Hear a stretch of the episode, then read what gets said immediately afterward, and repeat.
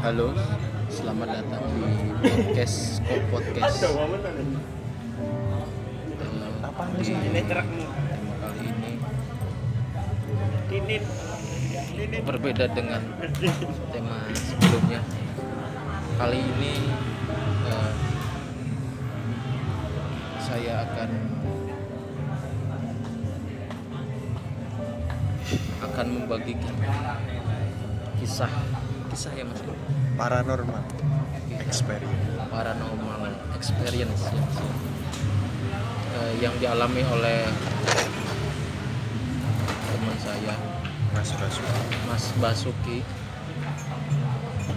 Eh, dengan apa judulnya Mas?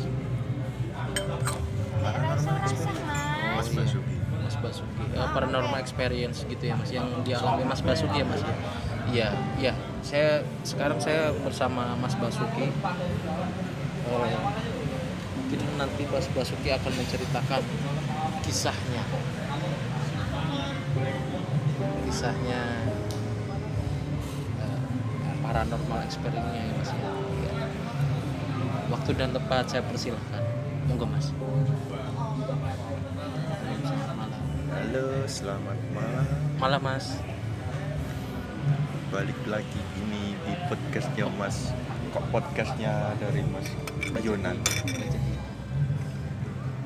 dan saya di sini mau menceritakan pengalaman paranormal experience atau pengalaman horor lah kalau teman-teman yang not knowing yang belum tahu ya awalnya awal ceritanya itu saya kecil mas Oh kecil, berarti umur berapa itu mas? SMP kira-kira 14 sampai 13 tahun Oh iya, oke. yang lalu Sekarang umur berapa mas? sekarang umurnya sudah 25 ya? bukan lebih tepatnya eh, 20 tahun? 21 21 tahun ini Tadi ya? Pasti ketinggalan. dan saat itu saya masih SMP saya mempunyai teman Itu lebih tepatnya di mana mas? Kejadiannya? kejadiannya itu ya di lingkungan rumah di desa Rumahnya sendiri Rumahnya Mas Basuki? ya rumah saya sendiri masnya masih di lingkungan teman Hmm, oke. main kalau sore Oke. lah kayak gitu Hmm. nah teman saya itu ada yang bisa ada yang punya mata batin Oh, yang bisa melihat ya, Nah, bisa berkomunikasi gitu ya? ya dan terus saya pernah curhat ke dia wah aku pengen tuh kayak Pengen iso? pengen lihat lebih tepatnya Oh iya. bisa lihat mereka gimana sih caranya kan saya dulu pernah sering lihat waktu malam minggu kalau nggak salah ya di Trans 7 itu ada Mister Tukul jalan-jalan. Nah, itu kan ada yang namanya tokoh di situ kan suatu tokoh yang bisa seperti itu kan Mbah Bejo nah, nggak salah ya. Mbah Bejan. nah itu bisa. Kalau ada bintang tamu pasti selalu disuruh "Eh, kamu mau lihat nggak Oh di itu ya di dibukain mata batinnya sama Mbah Bejo itu ditawari gitu ya mas? ya? makanya saya terus pengen coba pengen coba sama si temanku itu saya curhat-curhat aku mau dong ya ya masih ragu-ragu sama saya sendiri emang kamu kuat Oh gitu. Oh gitu. Eh, emang kalau seperti itu eh, kondisi kitanya ya harus itu ya masih harus harus stabil gitu ya. ya harus siap mental Harus siap mental gitu ya. iman juga karena kata dia kalau nggak emang nggak siap ya jangan masalahnya banyak teman-teman dia yang nggak kuat malah sampai ada yang gila juga gitu Oke oke. Terus ya terus saat itu masih kumpul sore itu jam berapa? Jam-jam limaan mau maghrib. Oh, menjelang maghrib ya. ya menjelang maghrib. Nah itu saya baru kumpul nongkrong biasa habis. Main bola lah terus istirahat cerita-cerita kayak gitu.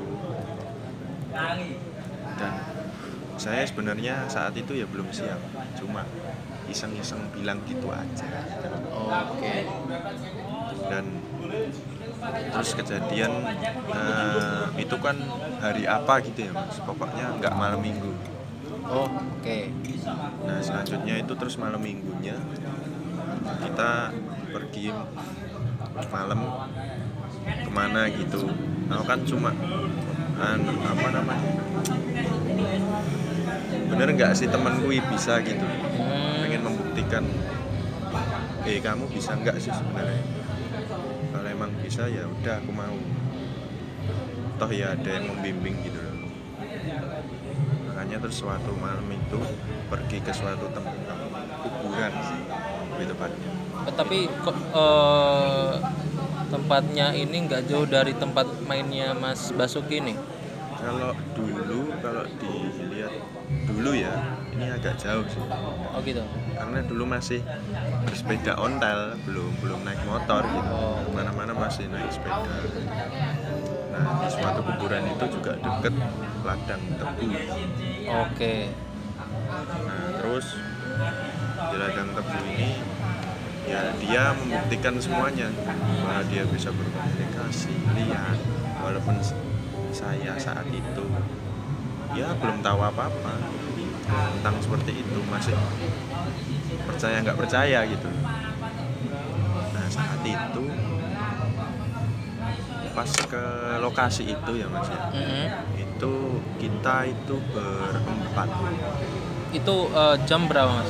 jam-jam 10 11 Malam. ya malam Oke. sebenarnya sampai lokasi jam 8an jam 9 tapi baru mulai seperti itu jam 10 sampai jam 11an lah lupa saya udah lama nah saat itu dia dia berkomunikasi saya diajak sama teman-teman suruh lihat. Maksudnya lihat gimana sih cara dia. Terus eh, gimana ceritanya mereka itu bisa di situ. Dan saat itu kejadian suatu kejadian kita semua berempat nggak nyangka ada yang menjahili kita. gitu. Berempat. berempat jadi nggak cuma seorang nggak cuma berdua ini berempat semua melihat gitu. Oh semuanya lihat gitu ya Mas? Nah, jadi ini ya nggak nggak nggak bohong atau apa pun nggak Ah. halu atau apa pun karena ya kita berempat lihat gitu. nah terus saat itu menampakkan diri sih Oh berarti eh, langsung atau enggak enggak. Biasanya kan kalau seperti itu kan kadang eh, dia pakai media ya. Kadang eh, menggerakkan benda apa menggerakkan eh, eh, apa kayak kayak apa ya kayak kayak media-medianya untuk bawa aku di sini gitu. Tapi itu langsung ya mas ya? Itu langsung karena gini. Kita bahas center dua. Jujur yang satu itu video pakai HP yang dua itu bahas center oke. Dan terus si temanku itu yang bahas center kan eh, gimana ya iseng-iseng ya lihat sekeliling lah Oke. masih dilihat. Dan berhentilah di suatu pohon karena itu ladang tebu terus sampingnya itu eh, sungai sungai kecil kayak gitu. Ini di daerahnya masih Sukoharjo ya mas ya? Masih itu ada sungai kecil baru kuburan oke depan kuburan itu masjid Hmm. Nah, makanya terus iseng-iseng di pinggir kali itu apa namanya sosoknya itu di suatu pohon apa lupa saya. Nah di situ dia duduk laki-laki, laki-laki iya laki-laki duduk. Saya kira pertama ya pertama saya kira teman saya ya bilang eh apa bapak-bapak mancing ya kayak gitu kan. oke Terus semakin kondisinya malam soalnya itu ya malam ya wajar lah maksudnya di Hmm. sungai ada bapak-bapak mancing malam-malam kan wajar gitu. Hmm.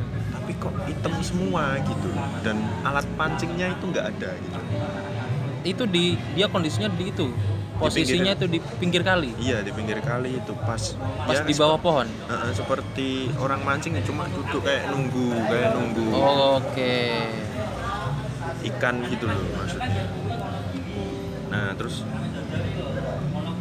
apa iya ya terus akhirnya kan senternya bisa yang itu loh mas. Center yang center Bisa jarak jauh itu? Heeh, jarak jauh jarak dekat. Yang yang fokus-fokus itu ya? Heeh, yang zoom buat in, zoom out. buat buat eh, camping buat kemah itu ya, ya, ya naik kalau- gunung lah ya? Kalau istilahnya center polisi lah. Oke oke. Makanya itu akhirnya dideketin dijauhin difokusin ke itu doang. Ternyata bukan bukan orang. Hitam Ter- semua full hitam.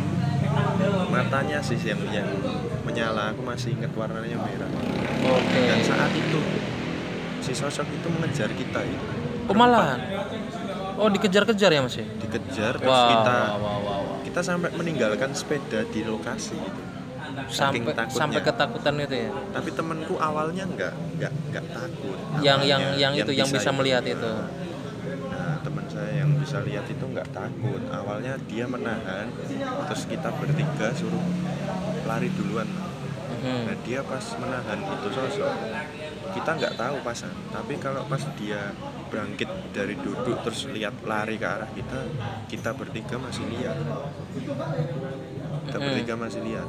Nah saat kita udah lari itu sosok udah nggak ada maksudnya udah ditahan. Teman. Temen teman yang itu ya yang yang, Yang bisa tadi itu, itu. ya. Nah saya lihat temenku matanya berubah jadi merah mungkin dia setengah kerasukan atau gimana nggak tahu gitu saat itu oke tapi kita semakin takut langsung lari gitu aja ke rumah Oh. warga berarti eh, setelah Mas Baksu, Mas Basuki dan dua teman Mas Basuki ninggalin temennya Mas Basuki ini yang bisa lihat ini ini kondisi dia ini malah kayak kayak seperti yang yang apa yang Mas Basuki lihat ya sama teman-teman gitu iya ya kayak kayak kerasukan lah ya Nah, bisa dibilang setengah kera- kerasukan karena dia menoleh ke kita matanya itu sorotan matanya itu tajam dan warna merah, gitu. merah. Hmm. Nah saat itu kita lari ke rumah warga terus ada di situ eh, kebetulan. Ini temen ayah saya. Hmm. ya ditanyain kamu ngapain kok malam-malam ke sini sini? Tempatnya kalau malam ya bahaya gitu. Kata dia sendiri kayak gitu. Ah, ya cuma mau explore aja pak. Gitu saya gitu. Udah udah balik terus ditemenin sama bapak itu ke lokasi ke tempat yang tadi dan teman kita masih di situ. Akhirnya nunggu kita. Udah udah nggak mungkin sudah nggak- biasa ya? Nah, udah biasa. Karena sepeda kita masih di lokasi gitu. Oke. Dan saat itu kita kayak seakan bertiga ini yang belum bisa lihat ini. Kayak gimana ya mas? Kayak diikutin terus? Heeh, dan nggak tenang. Nggak tenang. Dan hawanya itu panas dingin dan langsung. Selam se- setelah Setelah setelah kejadian kejadian itu? Itu, tapi masih satu malam itu tapi oke. Nah terus dia bilang oh kamu ketempelan semua. Tiga tiganya itu? Nah, saya sama dua orang teman lainnya ini katanya ketempelan. Makanya terus cari angkringan cari angkringan beli teh panas terus didoa doain sama dia. Nah kebetulan dia iseng. Hmm, dia iseng doain sambil ya mungkin biar kita bertiga ini lebih peka lah. Hmm. terhadap gituan bukan cuma menetralisir doang gitu. Nah, terus akhirnya kita minum kita pulang udah tenang itu rasanya. Udah tenang dan malam itu pas tidur saya Hmm. itu bermimpi. Malah? Ya saya langsung bermimpi sore kejadiannya di mimpi ini saya mimpi gini sore saya mau mengajak temanku yang ya kebetulan yang ikut juga itu mau main bola kan ya biasa sore itu mau main bola nah rumah saya itu samping rumahnya itu besar tapi kosong Oke. di situ saya lihat banyak terdapat orang sampah Sama. Iya, saya lihat orang. Tapi banyak banget, hampir penuh tuh rumah. Saya kan bingung kan, di mimpi itu saya tanya, Bu ada apa sih? Ada acara apa? Acara keluarga mas. Oh gitu. Bu itu bilang, keluarga, keluarga besar. Iya. Tapi sampai penuh gitu loh. Oke oke oke. jadi bingung gitu. Oh ya udah bu. Terus saya ke rumah temanku itu, tapi masih melewati Rumah tadi. rumah tadi karena rumah itu di pojokan terus ada sungai kecil juga Hmm.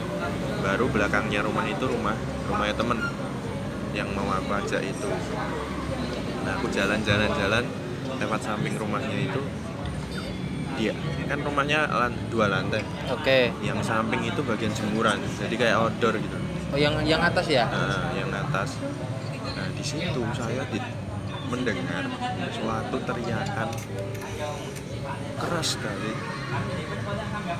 Seperti meraung gitu. Bilang wuh. Oke. dan saat itu saya kaget terus terbangun dari bang- apa tidur. Dan saat itu terus udah pagi kan ternyata sekolah. Saat selama sekolah itu saya tuh pas istirahat atau pas pelajaran itu seperti melihat sekelebatan lah dan Hmm. lain-lain Loh, apa ini pertamanya ya enggak Biasalah ya. nggak percaya apa sih ah paling halu gitu kan. dan semakin sore lagi kita sepak bola lagi main bola sore sore itu kan biasa kan main bola sampai Sampai maghrib iya, itu ya. sampai azan maghrib. Kalau belum azan maghrib belum berhenti gitu. Hmm. azan maghrib berkumandang kita berhenti. Itu kita di suatu sekolahan sih. Kita main bola. Nah di situ saya lihat itu sekolah kan besar SMK besar. Nah di situ saya lihat rame gitu. Yang awalnya tadi kelihatan kita doang Hmm. bersepuluh yang bermain bola itu rame sampai ke dua lantai sekolah Oh, kayak ada yang liatin gitu ya? kan. nah terus dari pojok kan ada dua lapangan lah. Oke. Nah, dua lapangan itu kita cuma pakai satu cuma Hmm. pakai satu hitungannya itu lapangan satu iya emang satu tapi kita setengah gitu kita ambil oke tengah oke. ha. buat main cuma bersepuluh kan kalau semuanya kan kebesaran gitu Hmm. makanya kita ambil satu nah yang pojok sana yang deket apa ya di kelas belakang belakang itu kan di situ ada WC Oke. aku lihat ada orang hitam juga sama Sama kayak yang yang yang di Kejadian itu malam ya. itu. Oke. itu jalan ke arah kita. Dan yang lihat aku cuma aku. Yang lihat cuma aku. Nah temanku yang yang satunya itu yang juga ikut malam itu itu nggak lihat. Malahan. Mm-mm. dia mungkin kepekaannya lebih agak lama sih daripada aku. Nek aku saat malam itu habis. Dianu temenku terus besoknya langsung bisa lihat. Hmm. apaan dia jalan ke arah kita. Jalan pelan jalan. Emang jalan. Kayak orang tapi kan ya udah. Ah, maghrib ya. Terus lampu-lampu sekolah belum pada dinyalakin Hmm. jadi kan gelap. Hmm. di situ, kan gelap tapi saya lihat itu jalan jalan jalan arah kita terus aku sama teman-teman udah yuk pulang yuk Nah, pulang ya, ya itu mas pengalaman horor pertama kali dalam hidup saya gitu. Berarti eh, setelah dibukakan kayak kayak mata batin ya Mas ya. Itu langsung eh, sos berarti kayak kayak sosok tersebut kayak ngikutin gitu ya Mas ya. ya bisa dibilang gitu sih tapi kalau sekarang saya ingat-ingat lagi itu beda sosok sih sudah. Cuma cuma kan eh, mungkin satu jenis atau gitu ya? Ya mungkin satu jenis karena yang saya lihat sama-sama hitam cuma kayak bayangan gitu aja. Oke oke. Tapi setelah setelah kejadian itu Mas Basuki eh, tanya juga ke temennya itu untuk untuk apa? Ap- oh, untuk menutup mata batinnya apa gimana gitu mas? Tapi awal awal awalnya juga saya tanya kok saya bisa bisa jadi, jadi bisa lihat gitu? Oke. Awalnya. Terus dia malah ketawa gitu. Hmm. malah gimana ya ah, kapok gitu oh Malah malah gitu. ta- intinya dia udah tahu gitu ya Heeh, ma- tapi dia diem aja gitu tapi saat itu pun saya aslinya takut mas ya belum belum siap tapi ternyata nggak semuanya sosok seperti jin ataupun setan itu menakutkan bukannya menakutkan mas Eh, saya lebih bilangnya jahil atau enggak gitu. Hmm. kalau emang dia cuma ngeliatin ya Nggak sudah apa-apa. gitu tapi kalau yang sampai ngejahilin nah itu yang saya risihkan sampai sekarang Hmm, oke oke oke oke oke nah terus saat itu ya tanya dia malah ketawa ya udah dong terus oh gitu ya udah tak kuat kuatin aja gitu lah sampai sekarang akhirnya ya gini terus gitu. Oh berarti setelah setelah tanya temen itu berarti sampai sekarang belum itu ya mas? Belum di belum dibalikin gitu ya? Ya belum. Karena seiring berjalannya waktu ternyata saya kuat. Saya kuat dan ini karena kejadian itu dan saya terbuka mata batinnya saya nggak cuma mengalami hal-hal yang negatif doang. Saya jadi bisa mungkin lebih gimana ya? Lebih tahu keadaan. Terus saya lebih dapat mimpi-mimpi seperti yang ya mungkin keluarga saya yang sudah meninggalkan saya seperti Mbak Nako seperti itu ya ya dapat mimpi lah. Kayak dulu Mbak Kakong ya pernah masuk ke mimpi saya disuruh ya mungkin. karena saya sendiri dari kecil belum tahu Mbak Kakong itu ibaratnya seperti apa itu ya eh, kayak kayak apa namanya? Kayak berkunjung gitu ya. Ya mungkin kayak gitu. Dan saat itu pun emang dia juga melihat cucu-cucunya gitu, iya. di mimpi itu. Tapi yang ditemuin cuma aku gitu cuma saya. Dan besoknya saya langsung nyekar. Oke oke oke. Siap siap. Oke. Mungkin itu, itu dulu ya mas ya? Ya itu itu dulu. Sebenarnya masih banyak sampai Oke, sekarang oke. tapi ya sementara Oke, itu, itu dulu. oke jadi itu ya teman-teman. Eh, cerita dari Mas Basuki yang eh, pertama kalinya dibukakan mata batin sampai sekarang ya Mas? ya? Sampai sekarang? Sampai sekarang eh, ternyata ya ada sisi sisi baiknya sendiri ya untuk untuk eh, cerita kali ini. Karena eh, mungkin ketika mata batin itu dibuka kadang bisa malah bisa me- membuat kita ketakutan dan mungkin sisi baiknya malah membuat kita lebih hati-hati. Contohnya ke tempat yang baru Ya, nggak sembarangan gitu ya mas ya Nah, jadi jaga sopan santun. jaga jaga sopan santun juga gitu. Karena kita hitungannya di situ juga bertamu kan Iya betul. Betul betul betul. Ya mungkin eh, dicukupkan dulu cerita Kok podcast edisi ini ya cerita cerita apa ini cerita setan gitu ya bukan pengalaman pengalaman pengalaman eh, paranormal experience Oh, yang yang ini aja buat buat temanya mas. Nanti Pengalaman kan horor.